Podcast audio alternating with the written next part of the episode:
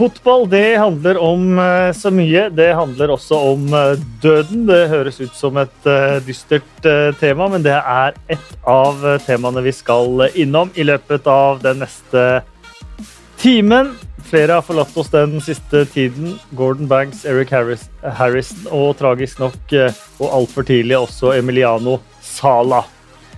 I tillegg så har det vært eh, FA-cup eh, i helgen. Det har vært eh, Champions League, og det kommer Champions League denne uka. Det skal vi også snakke litt om. Og vi har med oss Frode Lia, eks-Josimar-redaktør, Ja, stemmer. Tusen takk. og Svea God dag, god dag. fra VG. Du har jo en egen artikkelserie i VG bare om døden.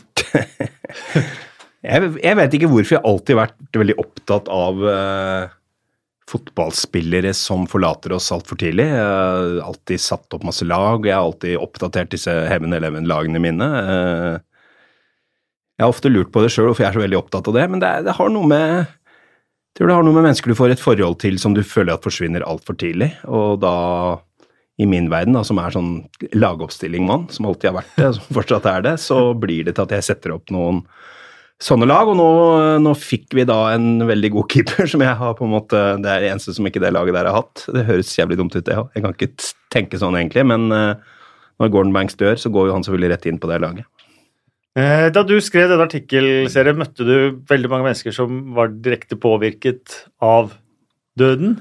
Ja, det var vel stort sett Jeg lagde jo to typer artikkelserier. En som gikk på skjebner, idrettsskjebner, og en som gikk på døden i den forstand at folk rundt eller et eller annet sånt noe. Og så øh, Ja, det ble vel ti-tolv artikler på hver av de, så jeg har, jeg har alltid vært opptatt av skjebner. Skjebner og hvorfor ting skjer som det skjer. Um, Erling Jevne, for eksempel, som var en ikke en kompis av meg, men jeg kjente han veldig godt. og kjente kona hans veldig godt og sånn, og alt det som skjer når han mister sønnen sin på tre og et halvt, eller hva han var for noe den gangen. Så det er klart at du får et veldig sånn nært forhold til det.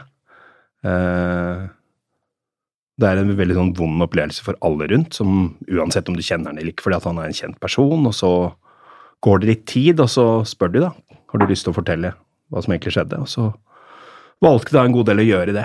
Så fikk veldig mye eh, kred for at jeg på en måte har turt å gå inn i det òg, da. For det er jo et litt sånn vanskelig tema for folk. Ja, det er det definitivt. Eh, Og det har vært, eh, det har vært vanskelig for mange nå, både med Emiliano Sala i, eh, for Nantes og, og, og. Cardiff eh, de siste ukene. Vi begynner på en litt lystigere tone, får man, får man si, og så kommer vi til døden etter hvert. Og da har vi en Skal vi sette opp en Heaven Eleven? Ja, jeg har jo en i, i hodet som, er, som oppdateres innimellom, så du kan, jo, du kan jo starte med den hvis du vil. Den er jo ikke veldig dårlig, i hvert fall, sånn for dem som kjenner engelsk fotball. Eh, så hvis du vil ha den, så kan jeg ta den kjapt. Vi tar den når vi kommer til, eh, til døden. Det kan vi gjøre, gjøre. Men øh, nå handler øh, dette veldig lite om død, selv om øh, Ole Gunnar Solskjær fikk sin første ordentlige smell i uka som gikk. Tapte 0-2 hjemme mot PSG. Tottenham svarte på mange måter på vegne av engelsk fotball dagen etter med å sable ned Dortmund 3-0. Ja, det var vel det man kan altså Man kan nesten kalle det en enveiskjøring. I den grad man kan enveiskjøre noen i Champions League. Uh, og, det var jo mye snakk om uh, altså når Solskjær møtte Pochettino, altså den taktiske, taktiske duellen eh, dem imellom. Eh, mot Dortmund så kan man jo ettertrykkelig si at eh, Pochettino naila naila det taktiske så til de grader, hvordan han eh, nøytraliserte angrepsrekka til eh, Dortmund. Eh, Det er spørsmål fra Thomas eh, Edvardsen her. Eh, Snakk litt om Spurs. De henger med til tross for Wembley, ikke nytt stadion, mest skader av alle, ingen spillekjøp og det hardeste juleprogrammet. Får de egentlig nok redd? Nei, altså Grunnen til det er jo at det er to lag som ligger foran, som på en måte har spilt en type fotball som folk har lagt merke til. Så er det et lag som er veldig populært i, i Norge som heter Liverpool, og så er det et lag som kanskje spiller en fotball som ikke så veldig mange har sett før, i hvert fall på den øya. mm, Manchester City. Så kommer liksom Tottenham kommer rett bak.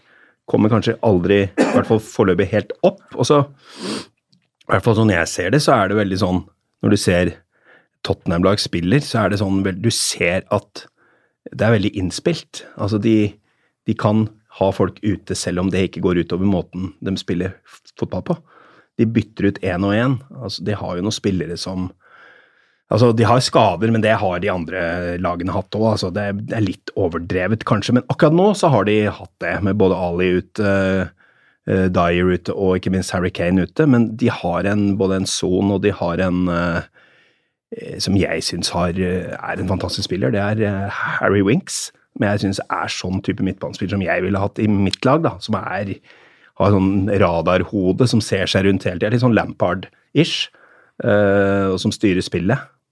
Så de har på en måte Og så har de De har jo nok forsvarsspillere som vet hva dette skal Hvordan det skal gjøres. Definitivt. Jeg så meg kanskje mot Dortmund spesielt, ja, for eksempel, altså, jeg, kommer inn. Jeg syns jo Sanchez for eksempel er en, kanskje en litt, un, litt underspilt midtstopper. Mm. Syns han gjør en veldig veldig god jobb ofte. Og nå, nå satte de jo Fertongen som en slags venstre kantspiller, og det er han jo egentlig ikke, men da som jeg da skrev på Twitter, da får du effekten av mm.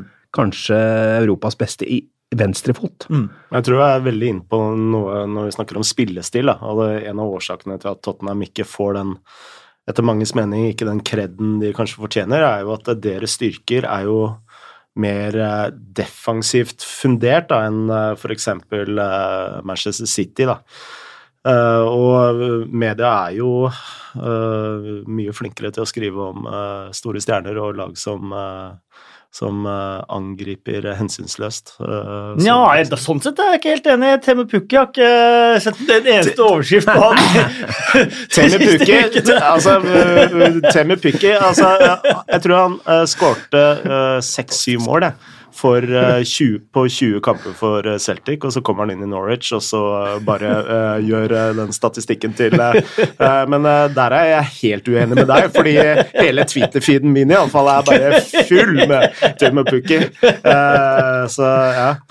men Uh, altså jeg, jeg, mener jo det at uh, altså lag som altså En av styrkene til Pochettino det er at han lager velbalanserte lag. Altså De er gode defensivt, og de er gode uh, offensivt. Mens uh, hvis du ser uh, Pep Guardiolas lag, f.eks., uh, og ta all statistikk til side, for det, det, at du slipper inn mål, er, er ikke nødvendigvis at du er, er så god defensivt. Altså Med Manchester City så er det jo mer det at de er så totalt overlegne offensivt, mm. og har så mye possession, og så kan man jo også si det at ja, Possession er jo også en god måte å forsvare seg på, da. men hvis du ser det målet de slapp inn mot Newsport f.eks., uh, så er det et litt sånn typisk mål Tottenham ikke ville ha sluppet inn. Det er poenget mitt. Mm. Ja. Uh, vinner Manchester United mot Liverpool til helga, så er det to poeng opp for Tottenham. Ja, det er ganske sjukt, faktisk. Ja. Uh, men om de gjør det, det tviler jeg på. Uh, jeg, har Liverpool som krystallklar favoritt i den kampen her. Uh, og uh, årsaken til det, det er jo at hvis du skal forklare suksessen til Ole Gunnar Solskjær i Manchester United, så er spesielt Lingård en nøkkelfigur med de gjenvinningene hans høyt oppe på banen og disse Eh, disse raske overgangene. Eh, og med han borte, så tror jeg mye av slagkraften til eh, Manchester United er borte. Vi får se. Testen kommer også i kveld. Chelsea mot Manchester United. Altså, det, er jo, det, er jo, den kampen som man kan Hvis du skal vinne noe den sesongen her, så er det ja. FA-cupen. Så derfor så betyr jo den her altså Jeg har vel sagt sånn rangeringsmessig, så tror jeg, uten at jeg vet det, så tipper jeg altså bli topp fire er nummer én, og FA Cup-seier er nummer to. Og så ser du hva, hvor langt du kommer i selve Champions League nå, for det, det ser ut som er det vanskeligste. Og det etter den første kampen så ble ikke det akkurat lettere. Det. Jeg har tenkt sånn at Hvis Solskjær skal få jobben, så må han havne topp fire. Og så må han enten vinne FA-cupen eller f.eks. en semifinale i Champions League. Og det siste får han ikke. Det ser ikke sånn, uh, sånn ut. Jeg tror altså, han får jobben uansett, da. Tror du det? Uh, ja, det tror jeg. For det Altså- nå, Hvis dette her begynner å gå av skinnene nå eh, Sarri kjemper jo også for jobben sin eh, i kveld i kampen mot Ole Gunnar eh, Solskjærs eh, Manchester United. Eh, så er det Liverpool neste. Hvis han begynner å tape toppkampene, da blir det murring òg. Altså, jeg tror uh, uh, selv ledelsen i Manchester United ser manglene i troppen til, uh, til Manchester United. Altså, Manchester United kan sette opp en, en veldig god førsteelver, men bak der så er det ganske tynt. Og de andre lagene, altså selv Chelsea, mener jeg har, har en mye jevnere tropp enn det det Manchester United har gjort, og nå som du har liksom disse nøkkelfigurene ute av laget, så eh, Altså, jeg tror ledelsen uh, også ser det. Uh, og når du har Men de skal liksom ha shake hands, ifølge noen rapporter på jobben allerede. Ja, og når du ser uh, Ja, altså, det altså, er supporterne og altså jeg tror, jeg tror på de ryktene om at de allerede har shaka hands. Men greia, hvis det liksom nå skal bli sånn annenhver uke hvis du taper og vinner, så får du jobben, så får du ikke jobben, så er vi i gang igjen med det der tøvet vårt. Ja, men det er vi jo. Jo, sånn, men- er, jo, men så det det er er, jo- sånn er det jo. Jo, men det er jo helt opp til oss å stoppe det. Ja, for Det det er er bare tull på 9-1-0 sånn. på de første kampene. Ti matcher, ni seire, én uavgjort. Uh, Ett tap mot PSG. Da var jo, eh, da var jo brigaden ute med Ja, en men- gang. han er avslørt, og Ja, ja, han har ingenting å komme Men, med. men Det skjer, det. Det er mekanisme, altså- det. eh, hvis du tar fra hverandre den matchen litt, da, så er det jo veldig mye riktig som uh, Frode sier nå, at det er klart at de skadene som de får, så de må gjøre to spill, det er ganske jevnt i første omgang. Det er ikke noen Ja, ja. sånn overkjørsel, selv om PSG er best. Men så kommer de to, så må du liksom, du må bytte noe som du ikke har tenkt å bytte ennå. Det er ofte en, mm. en dårlig start på en omgang, eh, og da har du bare ett bytte igjen. Og så da tenker du hvor lenge skal jeg vente, ikke sant? Av skader og eventuelt kort og bla, bla, bla, ikke sant? Og da havner de i en sånn situasjon som ikke var helt planlagt. Og det er selvfølgelig en, en Men det er derfor jobb. Responsen i de to neste kampene er så viktig, da. Ja da, absolutt. Men jeg, jeg sier at det å begynne å diskutere det motsatte av det vi har diskutert nå etter ett tap, det er sånn veldig, veldig media. Og veldig sånn vi spør alle eksperter om alt mulig hele tida. Vi stopper jo aldri. Ja, for det, øh, altså Hvis du prøver å sette deg inn i ledelsens øh, sko et lite øyeblikk, da, hva er det viktigste for dem? Ja, Selvsagt er jo det å komme topp fire veldig veldig viktig, men jeg tror det aller, aller viktigste det er å beholde de største assetene uh, dine. Altså Pogba er øh, nå happy. øh, Martial har signert ny kontrakt, er happy. Altså Alle de nøkkelspillerne som Manchester United sto i fare for å miste, eh, er nå plutselig på full fart inn og gjør alt for Manchester United igjen. Og det er det viktigste for ledelsen. Vi eh, må se litt på det som kommer eh, på tirsdag også, Liverpool mot eh, Bayern, som Olai Årdal eh, sier. Eh, tanker om Liverpool i Champions League mot Bayern uten Virgil van Dijk og andre stopperskader. Ja, altså, for meg så er det blitt sånn at Liverpool Altså, dette er det Det er på en måte ligaen som gjelder. Jeg tror en exit fra Champions League er ikke noe krise. Uh, City holder på med fire turneringer. Og de skal vinne alle fire, følge. Aguero. Ja, men han er jo fullstendig gal, han som sitter på toppen der. Når du liksom kjører Fernandinho i FA-cupen på en humpete bane nå, som er liksom den klart viktigste spilleren, da er du faen meg gæren. Det er det eneste jeg kan si. Og så Derfor så tror jeg på en måte Champions League er litt De var i finalen forrige sesong. Vi vet hva det går ut på. Det er liksom det å vinne dette ligagullet da, som vi har snakka om siden uh, tidenes morgen snart. Uh, så jeg tror ikke det er noe sånn jeg tror ikke det er noe, jeg tror ikke Du får den samme Champions League-feelingen denne sesongen her for Liverpool. Fordi det er veldig fokus på ligaen. Naturlig nok. Ja, utgangspunktet de eh, skaffer seg eh, nå, er selvfølgelig eh, viktig. Kan Kan jo legge til at Bayern München har jo ikke helt sett Nei. ut som de skal denne sesongen heller. Komme seg litt, da. Komme seg litt, og de, de lå vel under uh, lenge mot Augsburg, men uh, klarte å hanke inn en to-tre-seier. Men uh, ja, de Altså når vi først snakker om forsvar, da, så er det særlig forsvaret til Bayern München som ikke ser bra ut i det hele tatt, og Neuer er langt fra å være den keeperen han var bare for to-tre år siden. Det er noe med Anfield-atmosfæren på kvelder som dette her òg. Det er helt fantastisk. Og der også Man snakker mye om Anfield-atmosfæren, og på de kveldene der så er den spesiell. Og det er ikke for at den skremmer motstanderen, men den er for at den gjør Liverpool-spillerne dobbelt så store og dobbelt så breie. Mm. Det er ganske stor forskjell fra mange av de stadionene som er ute i Europa, som er Røde Stjerne, sånn som er lagd Som er sånn atmosfære, skremme, skremmestadion. motstand, eh, skremme motstanderne, og så vinner kanskje hjemmelaget på at det er fryktelig ubehagelig for bortelaget å være der. Ja, Liverpool forsøker å skremme litt utenfor banen, da. Ja, det gjør de. Men på Anfield så føler jeg atmosfæren er ikke sånn, den er ikke skremmende for noen. Nei, men det er jo en- for, det det men er er en atmosfære som nesten bygger fra Bill Shankly, som gjør en- egne dette- spillere Dette er jo en helt egen kultur som går tilbake til uh, de første kampene mot Ja, Ja, under, i hvert fall under Shankly, da. ja det, han, Eh, det starta jo med det, og, det også, og så er det denne berømte kampen der. David Fairclough avgjør eh, mot St. Etienne, som liksom løfter Mm. hele stadionet ut av området omtrent.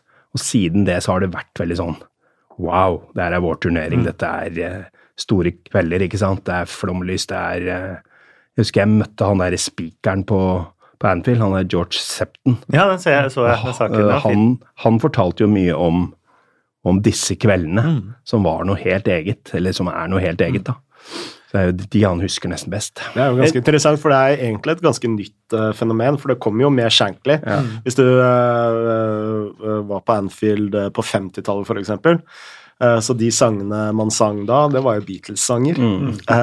så altså hvis du går inn på YouTube og søker eh, Liverpool 1954, så får du eh, stadionbilder hvor alle synger 'Loves You'. Yeah, Ja, yeah. ja. Eh, og Bill Shankly innførte også bytta hvit shorts til rød shorts, for han mente at det så mer faretruende Mm. ut for motstanderne. Helt riktig. Hjemmekamp mot Inter, eh, hvor de to skada spillerne defilerte FA Cup-trofeet Mm. på Anfield før han sendte ut egne spillere, mens Inter-spillerne sto på banen og måtte bare se på at uh, Anfield Ja, ja, er eksploderte ingen- mens ja. FA Cup Han var fantastisk, altså. Han, ja, men altså, han det er, det er altså, Alle snakker jo om Liverpool fra Shankly og ut. Det er jo nesten ingen som nevner det som skjedde før. Mm. Nei. Det er nesten, nesten litt dårlig gjort, for de vant jo en del før det, Ja. og var En stor klubb. Mm. Eh, en stor klubb da òg, men Shankly bygde noe helt eget. Og da eh, er jo selvfølgelig broen over. Du holder jo med Manchester City, Svea. Er det litt av den europakulturen Manchester City mangler, føler du?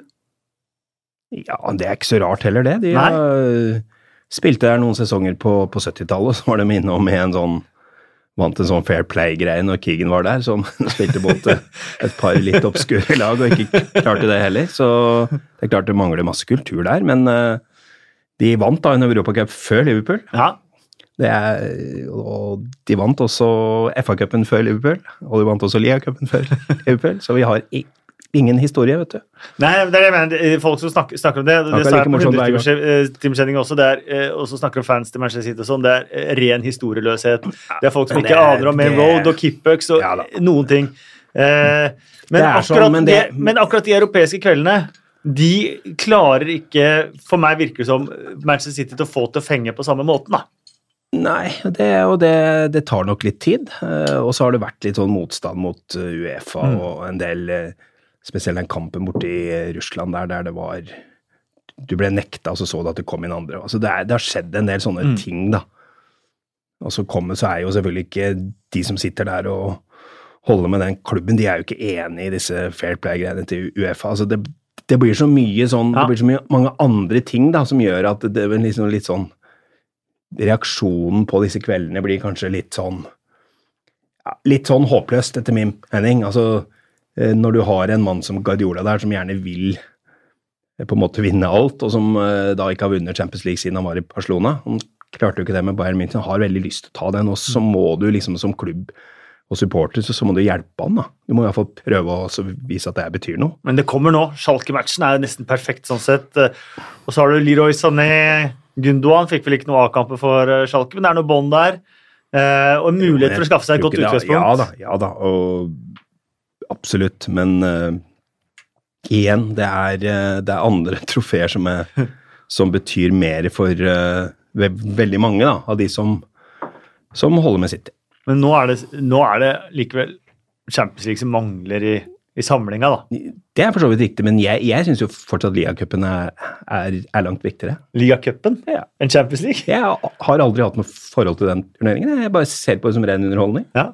Det, jeg, jeg skjønner hvor du kommer fra, definitivt. For dette er Det en alltid vært underholdningsturnering. sånn. Eh, Men uh... Dette er ikke en turnering som Manchester City har, har på en måte vært med i. Så jeg bare sittet her og jeg sitter, har jo på, på, på en måte jobba masse med det, og alt sånt, men jeg har ikke sett på det som noe Altså, Det er jo en rar men, der, turnering men der er beskriver du kanskje kulturforskjellen, da. Litt. Hastard-turnering. Ja, men der beskriver du kanskje kulturforskjellen litt?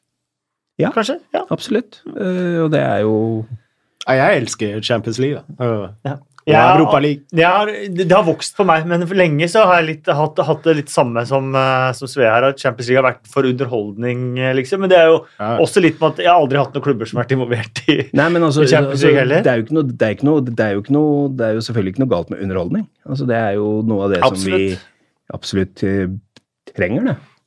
Det som ikke er bare underholdning for oss gamle, gamle menn med et forhold til engelsk fotball, det er FA-cupen. Eh, jeg husker eller jeg husker det, jeg, trenger ikke huske veldig langt tilbake for det, men jeg, at jeg, har, jeg fikk kommentere en FA Cup-finale på Wembley, og da følte jeg nå er jeg i mål. Dette er det absolutt største. Mm. På Wembley.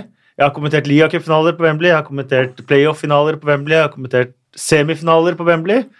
Men da jeg fikk kommentere en FA Cup-finale på Wembley, så tenkte jeg Større enn dette blir det ikke. Høyere opp kommer jeg aldri noen gang. Nei, Større Større enn da, eh, snowboard-OL. Det var det òg, faktisk. du skulle nesten lagt opp, da. vet du. Ja, det var skulle bare nesten- Når du gikk ut, så skulle du sagt ja, ja, nå Da- har jeg gjort mitt. Da har jeg ha det gjort bra. mitt, ja. For det var nesten litt sånn det føltes. Og, og sånn sitter FA-cupen fortsatt i hos meg. Hos noen så gjør det det. Eh, på, Men det er en sånn aldersting, på er det sånn, ikke Det det? tror jeg på sånn litt- 50-60-tallet så var det faktisk viktigere og større for fotballspilleren i England å komme til en FA-cupfinale enn å vinne ligaen. Ja, absolutt. Fordi at da fikk de hele dagen. Mm. Det var TV 24 timer, det var fullt fokus, det var en happening, det var en Men det har på en måte det har blitt nummer tre, det nå, vet du. Mm. Fordi at alt handler om penger, blir topp fire. altså Skrekkeksempelet mitt er jo den sesongen som Liverpool da først vinner ligacupen, så vinner de FA-cupen, så vinner de Uefa-cupen. og vinner tre trofeer. Mm. Så skal de spille sesongens viktigste kamp borte mot Charlton for å bli nummer tre i ligaen! Ikke for å vinne! Det var faktisk viktigere. Og da er det et eller annet som er fullstendig gærent, Ja. egentlig. Ja, det er jeg helt uh, enig med deg Det handler jo om uh, TV og handler om penger. Ja. Altså, du kan tenke deg for 30 år siden, så uh, ikke bare FA-cupen, men også NM i Norge var jo liksom en, en av de mest sette uh, TV-programmene hele det Men året. det var jo nesten eneste gang man fikk en live kamp fra eget, eget ja, land. Ja da, alt har jo endra seg, men, men FA-cupen er fortsatt veldig stort for uh, ganske mange. Det er akkurat det jeg skulle Eh, fram til, for det, og det har man jo sett også denne sesongen. Det ser vi hver sesong hvor ekstremt mye det betyr rundt om. Altså, de, de, de eh, devaluerte det litt noen år, og da hadde de liksom kjørt en ligarunde samtidig og sånn. Jeg husker når, Ja, når eh, Manchester City var der i 2011. Wigan? Nei, i Nei, men Stoke, ja. 2011. Da spilte jo United og vant ligaen eh, omtrent samtidig. Ja. Så det ble litt sånn eh, du, du fikk på en måte ikke den aleine, da. Ikke at det handler med sitt å gjøre, men altså de som spilte der, bør på en måte skjermes litt, da, hvis du Mm. Ja. skal få den happeningen litt tilbake. Ja, da var det jo også Ja, Martinez og Wiggen vant vel to serierunder før slutt, så de skulle jo da paradere FA-cuptrofeet gjennom byen samtidig som de hadde rykka ned. Det var jo også Ja, det var jo relativt spesielt. Forholdsvis komisk. Eh, Så det var en fin greie at de fikk lagt eh, FA-cupen for seg selv eh, til slutt igjen. Men Eh, Newsport uh, Manchester City Newport. Var, Newport mener jeg, var jo en kjempegod kamp, Ja, uh, syns jeg. Det var jo deilig å se litt uh, ruglete bane og, men Newport hjemme, da? Uavgjort hjemme mot ja. Tottenham forrige sesong. Mm. Slo ut Leicester denne sesongen, slo ut Middlesbrough. De, Jo, det Middlesbrough, var Middlesbrough ikke hadde ikke Det det var jo i hvert fall det var i hvert fall f- f- 50 minutter her også, som det Ja. Mm. var forholdsvis jevnt. Hvis jeg, jeg fikk ikke sett på alt, for jeg satt og jobba med en del andre ting. Ja, det tok jo 51 minutter før um, City Det var 2-1 2-1 der, uh, Ja, før altså det- City bare gira på slutten. På, uh, altså, Newport uh, skårte i det 87. 87. minutt Ja. for en uh, forsvarstabbe. Uh, og så fikk vi jo se Foden, da, som var jo vanvittig god. Skårte to fantastiske mål. Han er jo god, han. Er det Guardiola som prøver å uh, spille han inn stille og rolig, eller er det Guardiola som eh, spiller han for lite? Ja, så han har jo spilt Han har jo spilt ganske mange kamper, men han har jo ikke spilt veldig mye i ligaen. Nei. Eh, Så han har Han har jo han- sittet på benken i noen av disse cupkampene også Ja nå. da, ja da. Eh, ja, hva han prøver på å få han stille og rolig inn, eller om han prøver å liksom ha han som et alibi, det er jeg usikker på. Jeg, jeg er jo skuffa fortsatt over at du eh, sender fra deg Sancho for ingenting og henter en eh, Unnskyld meg, en litt middelmådig kantspiller Det står fra et Leicester. punkt her i manuset mitt, og jeg skulle spørre deg om hvor fornøyd du var med det. Nei, men altså, det er ikke det, han er ikke Han er jo en veldig god fotballspiller, men du Altså, sånn jeg så det, så behøvde du ikke han. Ikke så lenge du hadde både Diaz og, og Sancho der, egentlig. Så, så si, sier alle at det var en spesiell situasjon med Sancho, for han ville bort og sånn. Det har jo noe med hva du blir lova, hva du kan forvente deg. Hvis han hadde fått like mye spilletid som det Maris har fått nå, så hadde jo han antakeligvis vært der. Definitivt. Og se, se hva han klarer å prestere i Bundesliga. Ja. Og nå ser du at uh, akademiene til uh, de engelske klubbene er liksom Ja, de er ganske gode, de nå. veldig, veldig men de får jo ikke sjansen allikevel, verken Chelsea eller City. Og se, se Foden, da. Han har gått i Tyskland, gått i Borussia München-Gladbach eller et eller annet, så hadde han jo spilt Ja, ja, ja. hver eneste dag ut og inn, og kanskje som. Sancho vært på landslaget og ja.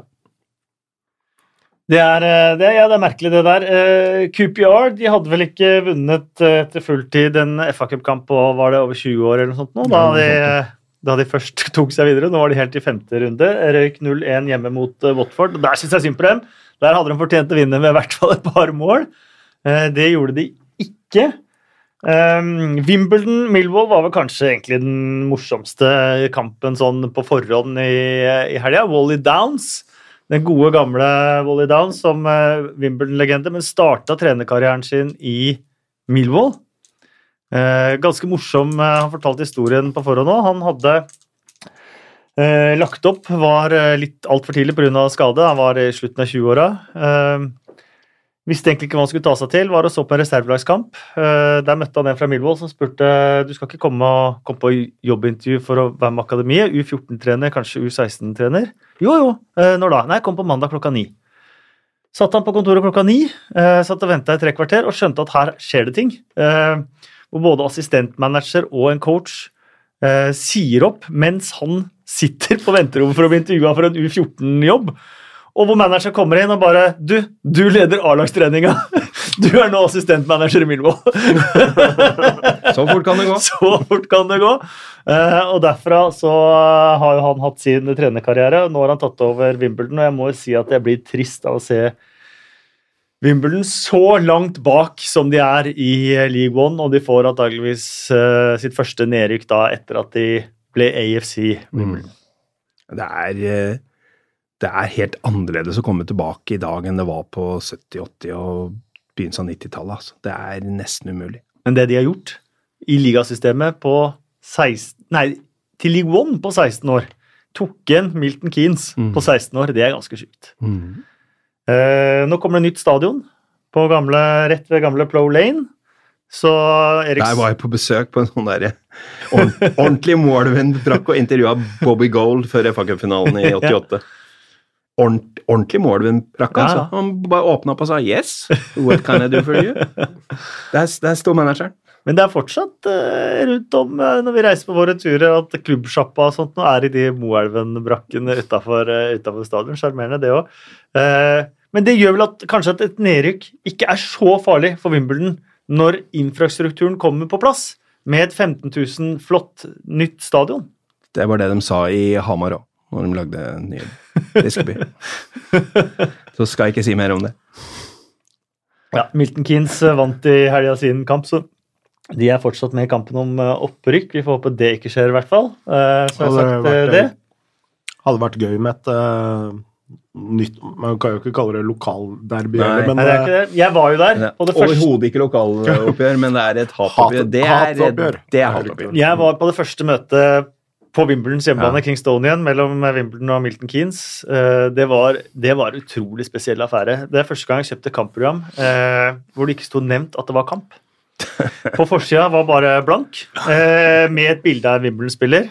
Neil Ardley sine programnotater var kun om sitt eget støtteapparat. Kapteinen sine programnotater var kun om sitt eget lag. Milton Keanes var ikke nevnt, annet enn at de sto på tabellen da, de, da tabellen var der. Det var det eneste Milton Keanes var nevnt i hele programmet. Og jeg tror Wimbledon fikk 15 000 pund i bot av FA Mm. eh, for Sikkert. måten eh, de gjorde programmet. Fansen betalte, og programmet sesongen etter prikk likt. Var norsk, uh, tidligere norske eiere nevnt da? Ingen av de også heller nevnt, men uh, Mange glemt der. Men de anerkjenner jo ikke at Milton Keynes er en klubb, Nei. og det skjønner jeg godt. Ja, det er jo en sånn der ordentlig ordentlig bastard-løsning der, altså. Det er det, altså. Mm. Det er merkelig, hele det opplegget der. Jeg skjønte aldri hva de egentlig holdt på med. Vi skulle flytte en klubb ut av en by. Og ut av et sted, ut av en plass, ut av et stadion, ut av alt. Det er jo helt det amerikanske Altså, i USA så opplever vi jo det stadig vekk med NFL eh, ja, Ikke stadig vekk, da, men eh, relativt ofte NFL og NHL, og plutselig kommer en ny klubb i eh, Las Vegas som eh, holder på å vinne Stanley Cup. Absolutt. Ja. Veldig vanlig i europeisk eh, fotballkultur.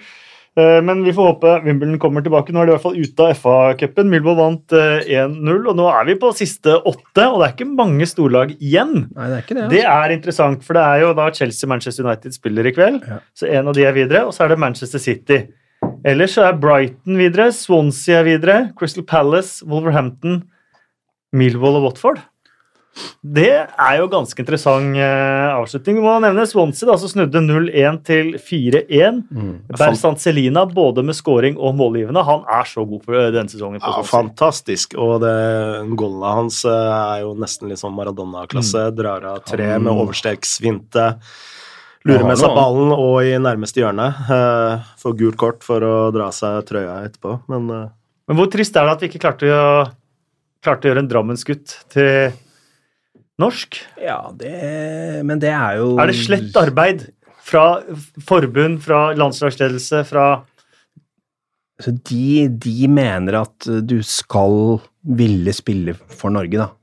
Altså, du bør komme til oss. De mener det.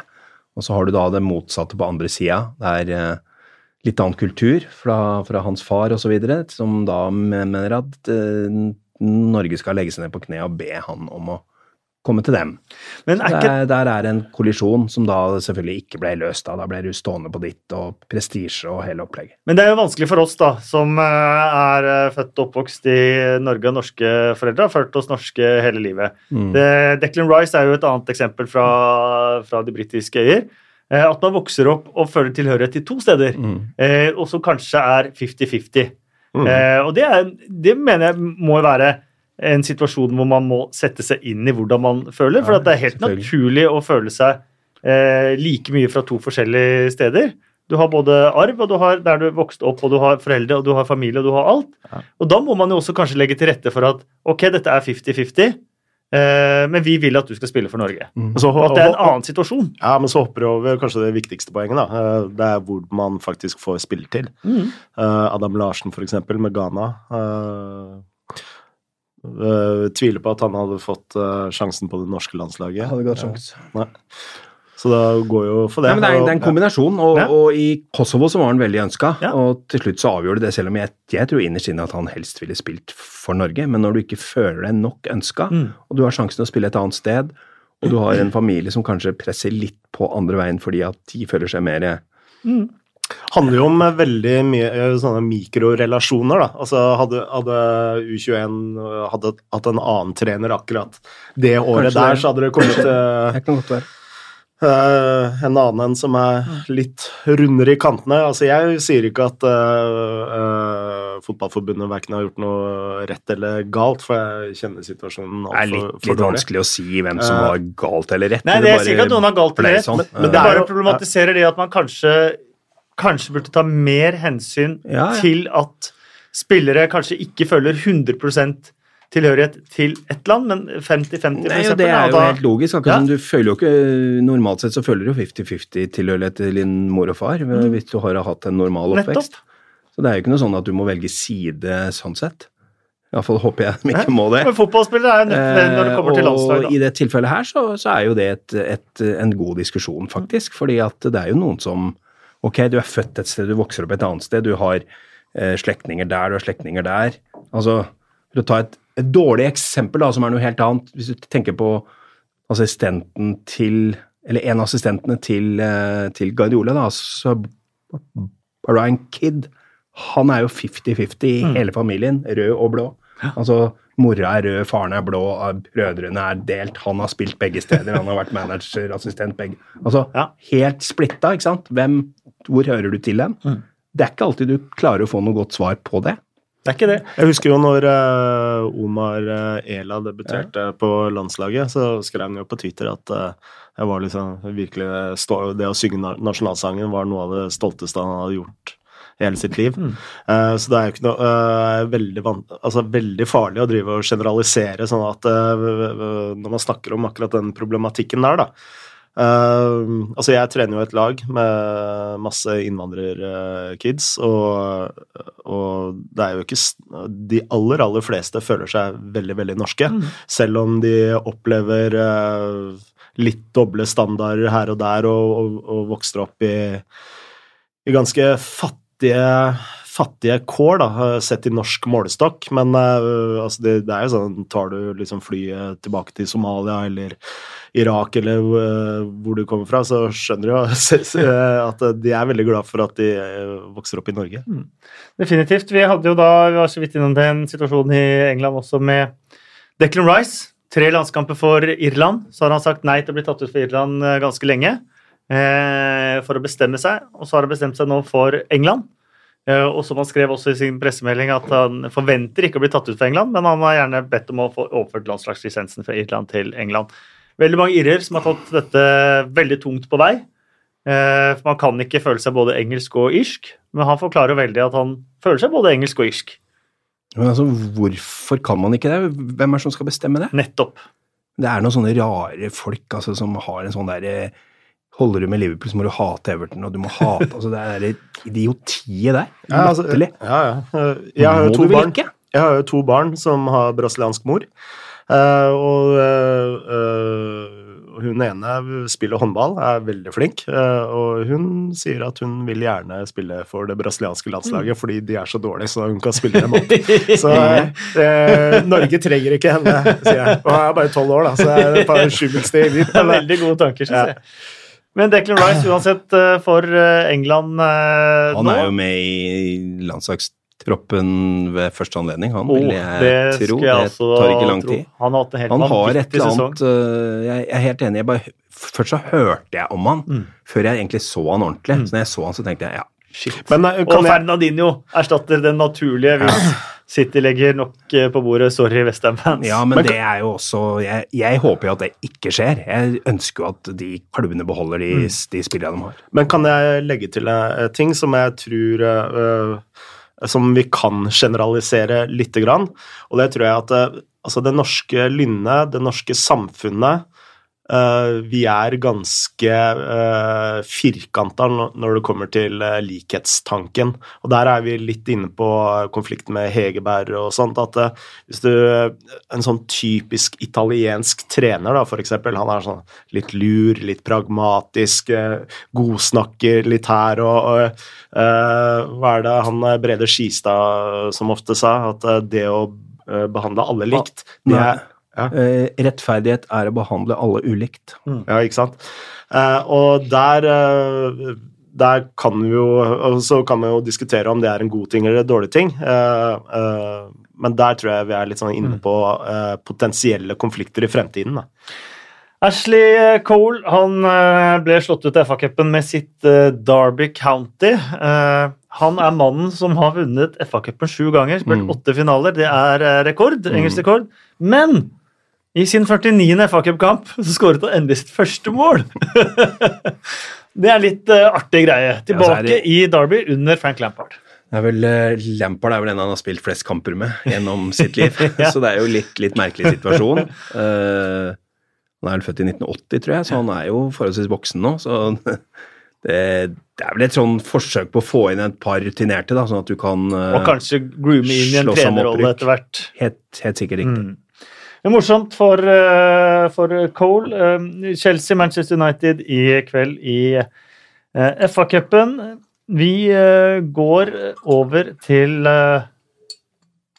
døden. Det hørtes veldig alvorlig ut. Veldig alvorlig ut. Siste Uh, ukene så har jo uh, Emiliano Sala uh, sitt dødsfall i flyulykken mellom Cardiff og Nantes. Eh, tatt eh, veldig mange overskrifter. Siste uka så gikk eh, Gordon Banks bort. Eric Harrison, uttreneren til Manchester United, faren til Class of 92, som han har blitt kalt, gikk bort. Um, og i og med at vi har dere her, så, så tenkte jeg at vi skulle prate litt om Jeg har jo da, jeg har jo faktisk da hatt Eric Harrison som fotballtrener i Ja, det så jeg tre uker. uker. Mhm. Faktisk. Det, det er liksom litt sånn rart å tenke på nå, for den gangen der så var jo ikke han eh, noe mer kjent enn at han var eh, Han var vel førstelagstrener i Everton. Uh, var jo ikke noe sånn, hadde ikke noe Han var vel, var vel Gordon Lee som var manager, vil jeg tro. Uh, så han var da og trente oss. Jeg var på fotballskole i Southport i området med Liverpool og Manchester, og hadde da blant annet Eller han var en av hovedmennene. Det er litt sånn rart å tenke på når alt har skjedd i etterkant av det, faktisk. ass. Hvor gammel var du da? Da var jeg 16. Så du kunne bli sånn class of Nei, langt ifra. Men, men, men, men det var altså han Jeg, jeg husker han i hvert fall som en allerede da som en et, Jeg la merke til en del av de tingene som han, han gjorde når han snakka til folk, f.eks. Og det har jo vist seg når du ser på hva som har skjedd med den, den gjengen der etter det, så snakker de jo veldig mye om han som hjernen, måten han behandla dem på, hvordan han fikk dem til å gjøre en del ting, gå gjennom ild og vann. Vi snakket så vidt om Gordon Banks i forrige podkast, for da kom beskjeden midt mens vi holdt på å spille inn. Veldig bardus uh, mm. på. Eh, Kåret til årets keeper i Europa seks ganger. Altså, han var jo en keeper som uh, på sin tid var den desidert beste. Uh, altså, du hadde jo uh, Lev Yassin før han, og så hadde du Dino Soff etter han, så det var jo liksom sånn tiår hvor du hadde en, en klar ener. Ja. Eh, forskjellen var jo at uh, Gordon Banks måtte jo gi seg ganske tidlig. Altså, han ga seg når han var 33 eller 34. eller Han sånt. Hadde trafikkulykke som tok øyet. Ja. Han gjorde jo comeback etter det, men han mista synet på ene øyet. Jeg, jeg har jo faktisk møtt han òg, så Ja, og det, er, det, og det tenkte jeg skulle høre med deg om. Svea, fordi at jeg snakker med noen Stoke-supportere, og sånt, og han var jo eh, innimellom i Norge, som mange, flere andre gamle Stoke-spillere. ja, ja. Virker som hele den gamle Stoke-gjengen, den måten de eh, tok vare på eh, miljøet rundt seg Ja. etter at de la opp, var helt, helt unik. Ja, det er jo den der gjengen som på begynnelsen av 70-tallet som da, altså Gordon Banks er jo en av de få som har vunnet noe med Stoke. Det er jo, de har jo bare vunnet én ting, og det var ligacupen i 72. Så var det jo et ganske godt ligalag sånn 74 og 75, så er liksom den gjengen der, da, da hadde jo Banks måtte gi seg eller legge opp, eller i hvert fall vente, da. Han gjorde jo comeback, men eh, han fortalte meg han spilte en del ute, fordi at det var litt lettere når han bare syn på ett øye. Um, Men hvordan var han som person? For alle som har møtt han sier at han var en Nei, fantastisk altså, person. veldig mange av de altså, Nå har jeg møtt ganske mange av disse såkalt gamle heltene, da, blant annet Kevin Keegan, som jeg møtte ganske nylig, og de er jo eh, litt enklere å forholde seg til, for de er jo mye mer lik oss, for de hadde ikke den derre pengestrømmen som kom inn så de kunne gjøre akkurat hva de ville, Mm. når de ville, alltid. Hadde ikke 17 biler og 200 hus, liksom. Det, jeg vet ikke, det er et eller annet der som ligger der som gjør at de gangene jeg er i på en måte i, i Manchester, så møter jeg veldig mange av de gamle heltene mine, og de er jo på en måte blitt kompiser, ikke sant. Jeg har dem på telefon. Jeg, altså de er normale. Jeg er ikke så sikker på at uh, min sønn Isak kan, uh, kan kjøre på Carl Johan og hente Sergio Aguero når han, når han har lagt opp, akkurat som jeg har gjort med noen av mine. Jeg tror ikke det. Jeg tror det er litt, litt lengre vei. Ja. Vant noe Eh, med Leicester, eller? Hæ? Vant noe med Leicester? Han var Eh, Leicester-keeper da han ble verdensmester. Uh, han spilte to FA-cupfinaler med Hester. Som han tapte begge, hvis jeg husker riktig nå. Så vant han selvfølgelig da VM. Mhm. Eh, Når Leicester spilte FA-cupfinalen mot City i 69, da hadde skilten kommet. Da hadde Banks gått til Stoke. Mm. Men han var, eh, for å svare på spørsmålet ditt kjapt, så var han en uh, veldig, veldig varm Mm. uh, fyr. Han har selvfølgelig fortalt disse historiene mange ganger før, og du, det vet du jo at det her har han repetert. altså de fire, Det han er mest kjent for, er selvfølgelig VM-gull i 66, så er det denne redningen på Pelé-headingen, og så er det matforgiftningen, og så er det bilulykka. De fire tingene har han alltid snakka om. Men bare å høre han fortelle om det, innlevelsen eh, Spesielt var jeg opptatt av dette med denne matforgiftingen, fordi at veldig mange mener at det ødela for et engelsk lag, som kanskje var enda bedre i 1970 enn det var i 66, mener folk. Så ble han da matforgifta før kvartfinalen mot uh, Tyskland, som den eneste på laget. Det er litt sånn merkelig. Hvorfor bare han? Mm. Og da har det jo blitt spekulert masse, inkludert han sjøl som stilte et par spørsmål. Hva skjedde, hvorfor og hvem og hva? Han var i hvert fall såpass dårlig at han faktisk ikke kunne spille, og det skal litt til, da. For du har jo en del piller du kan gi, du kan jo gjøre en del ting. Imodium var ikke funnet opp. Ikke sjans, altså. Han kunne faktisk ikke spille, og da går Peter Bonetti, Chelsea-keeperen, inn og gjør ikke noe dårlig kamp, men han gjør én veldig stor tabbe, som gjør at England går fra 2-0 til 2-3 mm. og ryker. Uh, det må jeg bare si at jeg spiser aldri uh, piller. Jeg tar ikke Paracet engang, med mindre det er helt uh, krise. Men det jeg alltid har med meg når jeg er på jobb, når jeg reiser, det er Imodium. Det er den ene tingen, hvis man skulle få ordentlig eh, hva heter det, renne av ræv, ja. så er det en av få ting som bare det setter en stopper for jobben. Det er sikkert en smart ting for deg som ikke kan gå på do midt man, under kampen. Det kan man ikke, så Imodium det er den ene tingen jeg alltid har med i veska. Hallo, mine seere, nå må jeg på do! Dere får holde an i fem minutter. Jeg var besøkt en uh, slum i Nigeria for, på måneder siden uh, som heter Ibadan. Uh, da måtte jeg bruke litt uh, Imodium, ja. det er ikke så rart. Men det er en vidundermedisin. Det skal bare sies. Jeg gikk gjennom uh, litt navn før vi satte oss inn i, i studio her. det er noen utrolig triste, triste navn her av, av spillere som som har forsvunnet altfor tidlig av uh, ulike årsaker. Spillere man har vokst opp med å se spille fotball, uh, spillere man faktisk har kommentert, og spillere man så opp til da man var liten. For meg så er jo Justin Fashanou kanskje det mest uh, tragiske. Spill det er jo selvfølgelig er det det. En fyr som henger seg. Det er jo mm. selvfølgelig mm. Spesielt på, på, bakgrunn av at altså Hvis du sammenligner med Gary Speed, så er det klart at det var helt andre greier det er klart, når du føler at du ikke er akseptert som homofil, så blir det litt vanskelig. Og mm. da Han ble jo både mobba her og der og ble fryst ut, og han nei, det ble, ja, han ble mobba rundt i klubbene han spilte underveis ja, altså, og lenge før han sto jeg vet Jo at, jeg har jo lest mye om Jeg har jo lest alle bøkene om både Brian Clough, og jeg har sett, eh, lest boken om Fashion og alt sånt, og det er klart at Clough angrer jo på en del mm. ting at han, han sa i den perioden som Fashanu var i Nottingham Forest, så angrer han jo på en del av de tingene når han så hvordan det gikk. Definitivt, og han ble også tvunget av The Sun til å stå fram. Ja, det, tror jeg eh, stemmer. Eh, han, De sa de visste, og de kom til å skrive en svær, negativ, eh, kjip sak på han hvis han ikke sto fram selv. Ja, det, var, det er på en måte Da er, da er du fanga, da. Ja, det er nok det der. Og når du da i tillegg har en bror De to vokste opp i Norfolk ja. eh, hos fosterforeldre. Justin ja. og John Fashanu. Det er det verste. Ekstremt ja. nære hele oppveksten. Eh, de var eh, så nære som to brødre kan bli, mye pga. at oppveksten mm. brakte de så, så nært sammen òg. Og hvor broren sier at eh, når han sto fram, at 'jeg har ikke noen bror lenger'.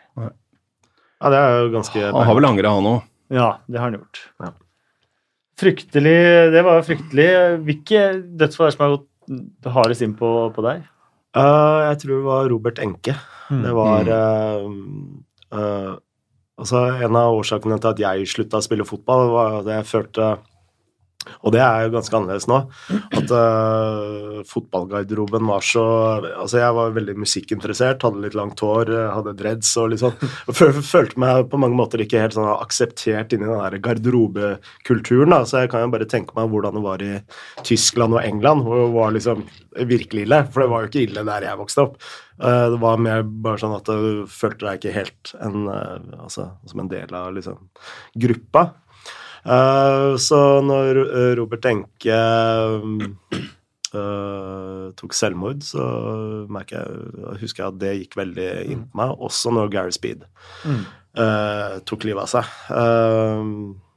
så det er vel Og altså, dette med selvmord altså, De fleste av oss kjenner jo noen som har Eh, tatt selvmord, og du, eh, du, knytter ofte ting du opplever med Gary Speed f.eks., til uh, ditt eget nær, nærmiljø om klassekamerater som du har kanskje hatt, og sånt, som mm. også opplevde mye av det samme. Så det husker jeg gikk veldig inn på meg. Gary Speed var, det var faktisk på bursdagen min, og jeg var på Anfield for å kommentere. Og Jeg kom inn på presserommet på Anfield, og så er det helt stille. Alle står og ser på TV-skjermen helt hvite i ansiktet. Jeg skjønte ikke hva som hadde skjedd før man ser, og så Det kommer som en sjokk. Det er jo fordi at han er i den alderen han er. En ung, sett på som en kjekk ung mann med familie. Eh, Vært, hatt en eh, suksessfull karriere som spiller, har suksess som manager. Hvorfor skal han gjøre det? Men dette der vet, vi ikke noe om. Det er- handler om helt andre ting enn det.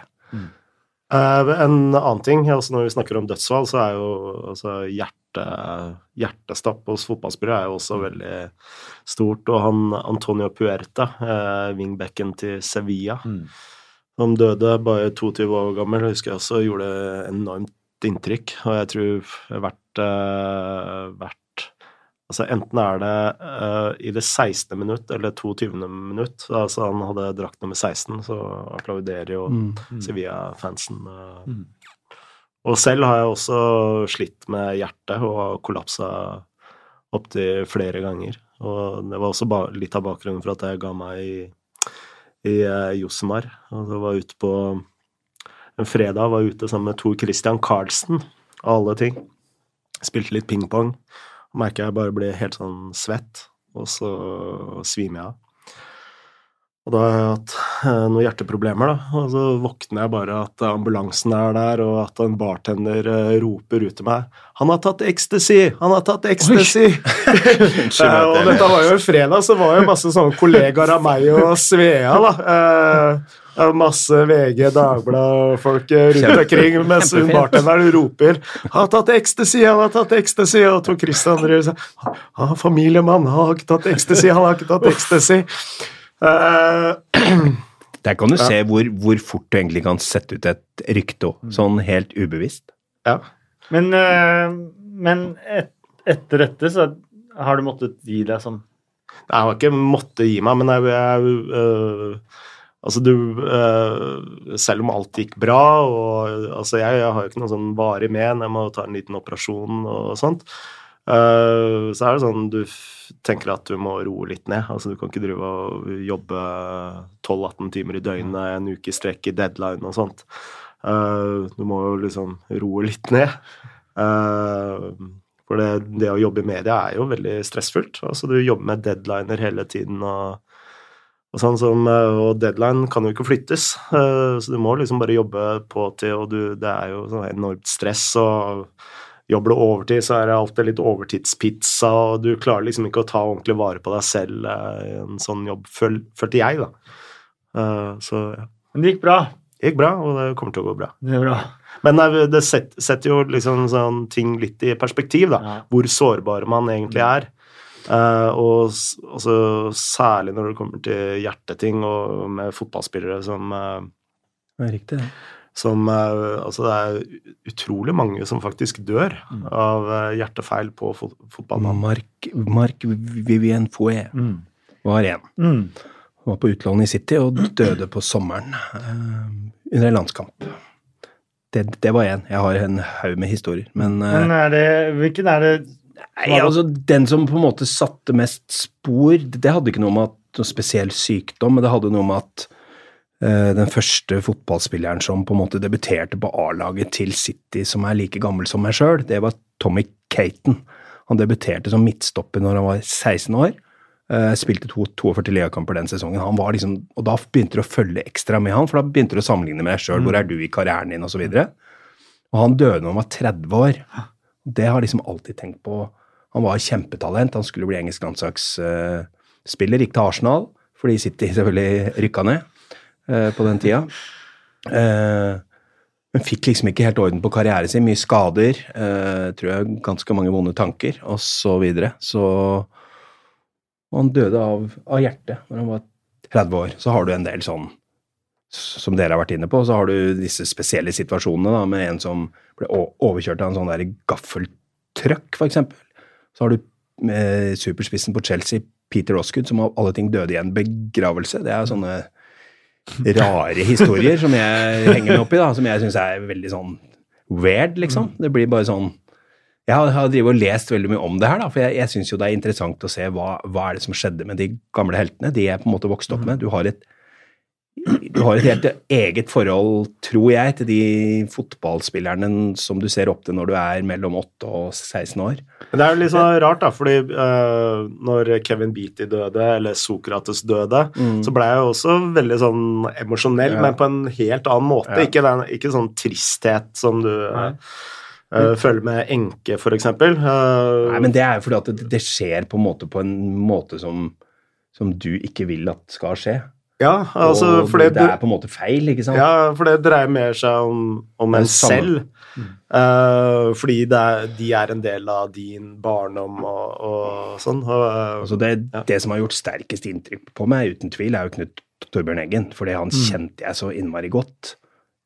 Husker jeg satt på med henne i bilen til Trondheim en gang, for han bare spurte om jeg skulle sitte på. Vi tok fly sammen, og så sier jeg liksom Du var så rar når jeg intervjua deg i Sch- Schalke, sier jeg. Hæ, intervjuer du meg da? Sånn. Ja. Huska ingenting. Helt ute. Fullstendig ute i huet. Fullstendig borte. Og da opp og ned, ikke sant, frem og tilbake med psyken hans, og gode dager og dårlige dager og alt mulig sånn. Og så går det helt gærent til slutt.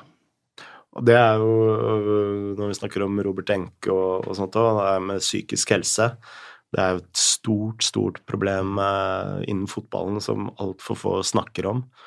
Eh, Er det blitt litt bedring på det? Selvsagt. Altså, vi lever jo i 2019, så det men det er jo fortsatt milevis uh, Milevis langt unna der man burde være, uh, føler jeg. Det er, og det er det er en sånn type sykdom som er så mye stigma rundt.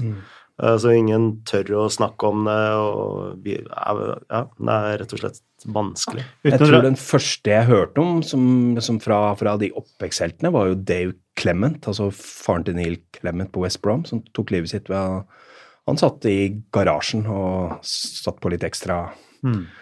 der, og tok sitt eget liv. Han var engelsk landslagsback, og ingen som hadde merka noe på han heller, sånn jeg har, har lest i ettertid. Det, uten å dra dette for langt, da, så, det bare, så har du alle disse overgrepsskandalene som har kommet eh, for en dag nå de siste par-tre årene i, i engelsk fotball, hvor det er veldig mange som er rammet, eh, og hvor det også kan være års, årsaker. da, og Absolutt. Paul Stewart har snakket om det, David Paul White har Stewart snakket om det. Jeg har akkurat lest begge biografiene, Mm. så det er klart at det er eh, sterke historier. Altså. Mm. Det er, og det, det merk, nesten merkeligste er at ikke en eller annen forelder eller noen rundt skjønner noe. Det er Mm. faktisk litt rart. Selv om jeg, jeg skjønner at det er vanskelig, og du vil så gjerne at eh, sønnen din skal bli god, du, han fikser det, han fikser det, men at du ikke liksom værer et eller annet på et eller annet tidspunkt. Kanskje litt, litt Mm. for dårlig av oss, at vi ikke er mer oppmerksomme. Kanskje. med fryktelige saker, da, som flere U-trenere som da har forgrepet seg på, på ungdomsspillere som, som har slitt med det gjennom hele karrieren, og spesielt kanskje etter karrieren. Og, Det er også noe man spekulerer i at uh, Gary Spee var et uh, offer, offer for. Mm. Uh, det ble jo veldig, veldig trist. da. Vi har også spesielle episoder som Andres Escobar, eh, som ble skutt minst. etter at han kom hjem fra, fra VM med Colombia i USA Altså, 94. Det er jo det beste eksempelet på at man egentlig skulle bare legge ned alt Mm. Av dette her, av fotball. For det, altså, det går ikke. Du kan ikke, ved at uheldigvis lager deg med, så kan du ikke bli skutt. Det går ikke. Da burde egentlig hele fotballen ba- ba- bare sagt ok, da, da spiller vi ikke mer. Ferdig. Um, skal vi prøve oss på en um, Jo, en også, junior Malanda i Wolfsburg, som eh, omkom i trafikkulykke. Uh, vokste sammen med Lukaku. De to var vel eh, bestevenner gjennom eh, eh, U-landslag etc. Eh, Everton møtte da Westham i en ligacupkamp dagen etter, tror jeg. Og Det er en av de få gangene vi har sett Mirallas også, som kjente mm. Juni Malanda godt, la opp til Lukaku som scora. Og det er vel en av de få gangene jeg har sett to spillere etter en scoring stå sånn hulkegråte sammen. Det var et spesielt øyeblikk også. Mm. Heldigvis. Skal vi prøve en uh, Heaven Eleven? Ja, jeg har min, så kan dere ta ut deres. Det er ikke noe, det er ikke noe Du kan komme med din, og så kan vi eh, kanskje komme Vi kan bare supplere. Supplere, ja. Altså, min er jo da rein engelsk, eller fra den engelske ligaen. eh, Fra spillere som jeg har vokst opp med, og som jeg har et forhold til. Og keeper er da Gordon Banks. Så er det en forsvarsfirer med Paul Medley Leeds, Bobby Moore Westham, Emily News Liverpool og Kevin Bitty Ipswich. Ja, da slapp vi å krangle om den. Ja, så er det en eh, midtbane med Alan Ball, Everton eller Arsenal eller Southampton, hva du vil. Eh, Billy Bremner, Leeds. Gary Speed, Leeds, Newcastle eller eh, hva var det siste? Everton. Everton. Og George Best bør være greit å ha med. Og så er det Cyril Regis, West Brom, og Peter Osgood, Chelsea. Det er min elver.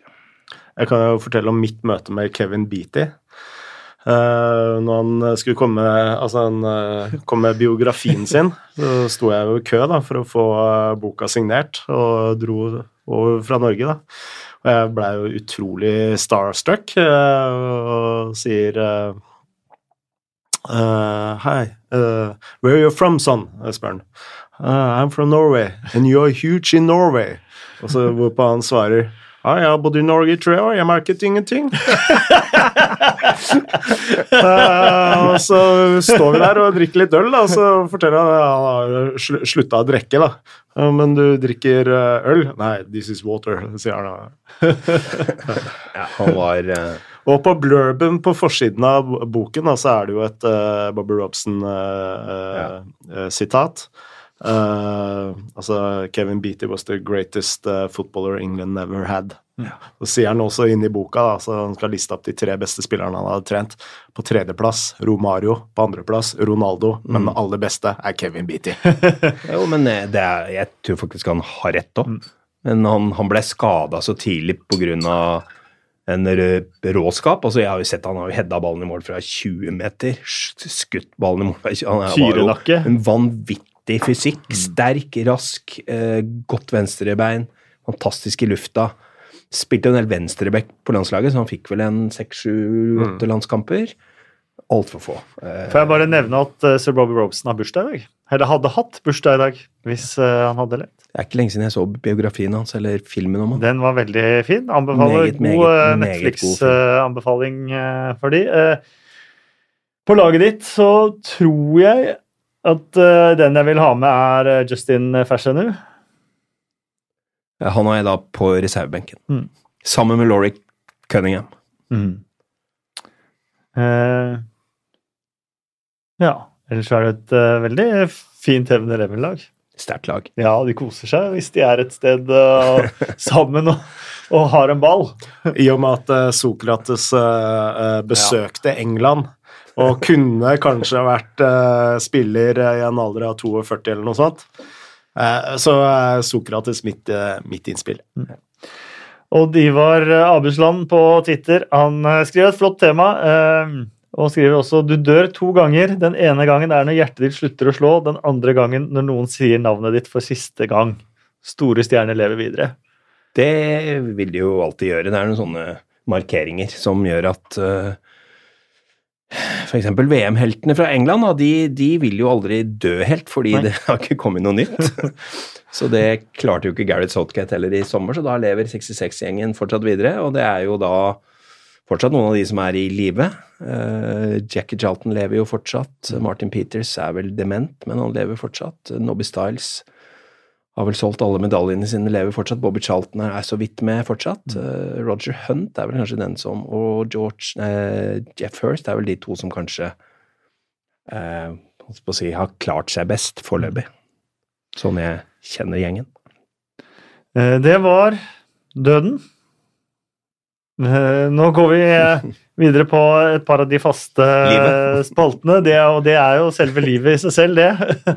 Eh, Vi deler ikke ut eh, kaktus og blomster denne gangen, i og med at det har vært FA Cup og ikke ligarunde. Premier League er i gang igjen eh, helgen som kommer. Champions League før det. Men Bill Edgar han eh, har fortsatt sine betraktninger.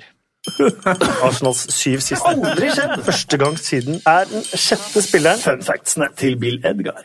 Og for de som ikke har fått med seg ennå hvem Bill Edgar er etter snart to år med podkasten, så er han også statistikkmannen i The Times. eh, Har sin spalte i eh, bilaget The Game hver eh, mandag. Og har da fortsatt ikke skaffet seg et etternavn. Fortsatt ikke skaffet seg et etternavn. etternavn. Heter, har fortsatt hatt to fornavn. Ja, Bill det- Edgar. Som managerne til eh, Aston Villa før Bruce fikk sparken, Steve Bruce og John Terry. jeg tror jeg John Terry han har et navn til, et fornavn til. Jeg tror faktisk han har tre fornavn. Ikke verst. Lee Harvey Oswald. Alle de sju FA Cup-kampene i femterunden har blitt vunnet av det laget som ligger best plassert i eh, ligaen. Um, hvis Manchester United eh, gjør eh, denne rekka komplett med å slå Chelsea, vil det være kun tredje gangen siden eh, andre verdenskrig at samtlige klubber i femterunden har blitt vunnet av det best rangerte laget. Det var, en, det var en sær statistikk selv for meg, altså. ja, Bill Edgar har sære statistikker selv for deg. jo da, men ofte så er de eh, eh, meget interessante òg. Ja. Eh, de to andre gangene det har skjedd, er 1950 og 2002. Du vet min yndlings, eh, yndlingsstatistikk fra Bill Edgar? Det var da Andreas Weimann skåret mot Arsenal. Eh, nå begynner det å bli fem-seks sesonger siden han Mm. spilte i Aston Villa. Han var da altså den første med Arsène Wengers initialer til å skåre mot Arsène Wenger siden Ashley Ward for Barnsley i 1997. Ok. Eh, Fytti rakkeren. Hvis Manchester United skårer i kveld, vil det være første gang på 30 år at samtlige bortelag har skåret i femte runde. Uh, skal vi se uh, Jeg fikk ikke tid til å oversette før jeg, og skrive det ned før jeg kom inn hit. Det er derfor det blir litt, litt krøkkete her, men sånn får det bare bli. Eh, Swansea kom tilbake og slo Brentford 4-1 i FA-cupen i går. De slo Aston Villa 3-0 og 4-1 mot eh, Gillingham i eh, den fjerde runden. Eh, Og de er da det første laget utenfor den øverste divisjonen som har nådd kvartfinalen med tre seire med tre målsseier eller mer, siden Tottenham gjorde det da de var på neste øverste nivå i 1920. Det er ikke verst. Watford de har kommet seg til eh, kvartfinalen uten å slippe inn mål på De har spilt bortekamp alle rundene uten å slippe inn mål. Og er første gang siden Manchester United gjorde det i 1994. De slo Sheffield United 1-0, Norwich 2-0 og Wimbledon 3-0. Manchester City er det første laget siden Burnley i 1957 som har skåret 16 mål i FA-cupen fra tredje til femte runde, hvis man ikke tar med omkamper. City har slått Rotherham 7-0, Burnley 5-0 og Newport 4-1. De har skåret fire andreomgangsmål i hver eneste av de kampene. Det var Bill Edgar. yes! Du, det har vært uh, utrolig hyggelig å ha dere her.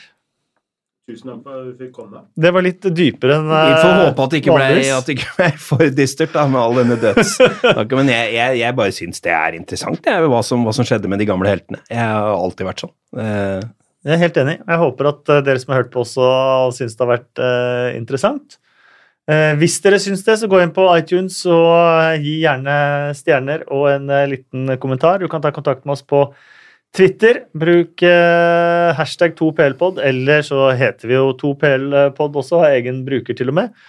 Eh, og så får dere ha det kjempefint gjennom eh, uka. Lykke til til alle fans av laget i Champions League og alle fans av lag rundt om i eh, England til eh, helga. Ipswich, tenker du på? De trenger all mulig hell og lykke, men Will Keane på overtid mot Stoke. Ja, Det var en sjelden og fin opptur for Ipswich. ja den uh, har jeg levd lenge på. Du har det? Ja. det var fint, det. Uh, det var fortjent, og jeg syns Ipswich var overraskende gode på Carrow, faktisk. Uh, spillemessig så De spiller seg opp nå. Altså, de spiller championship neste år. Ja. Jeg håper jo det, da. Jeg håper jo det. Det blir uansett da må de kapre en del poeng nå. Det må og det holder de. ikke med uavgjorte heller. Nei, og om- Paul Lambert må kanskje Han må finne rette balansen mellom temperament og, og tenning. Ja, det er sant. Uansett, takk for nå. Eh, Så høres vi igjen om eh, en uke.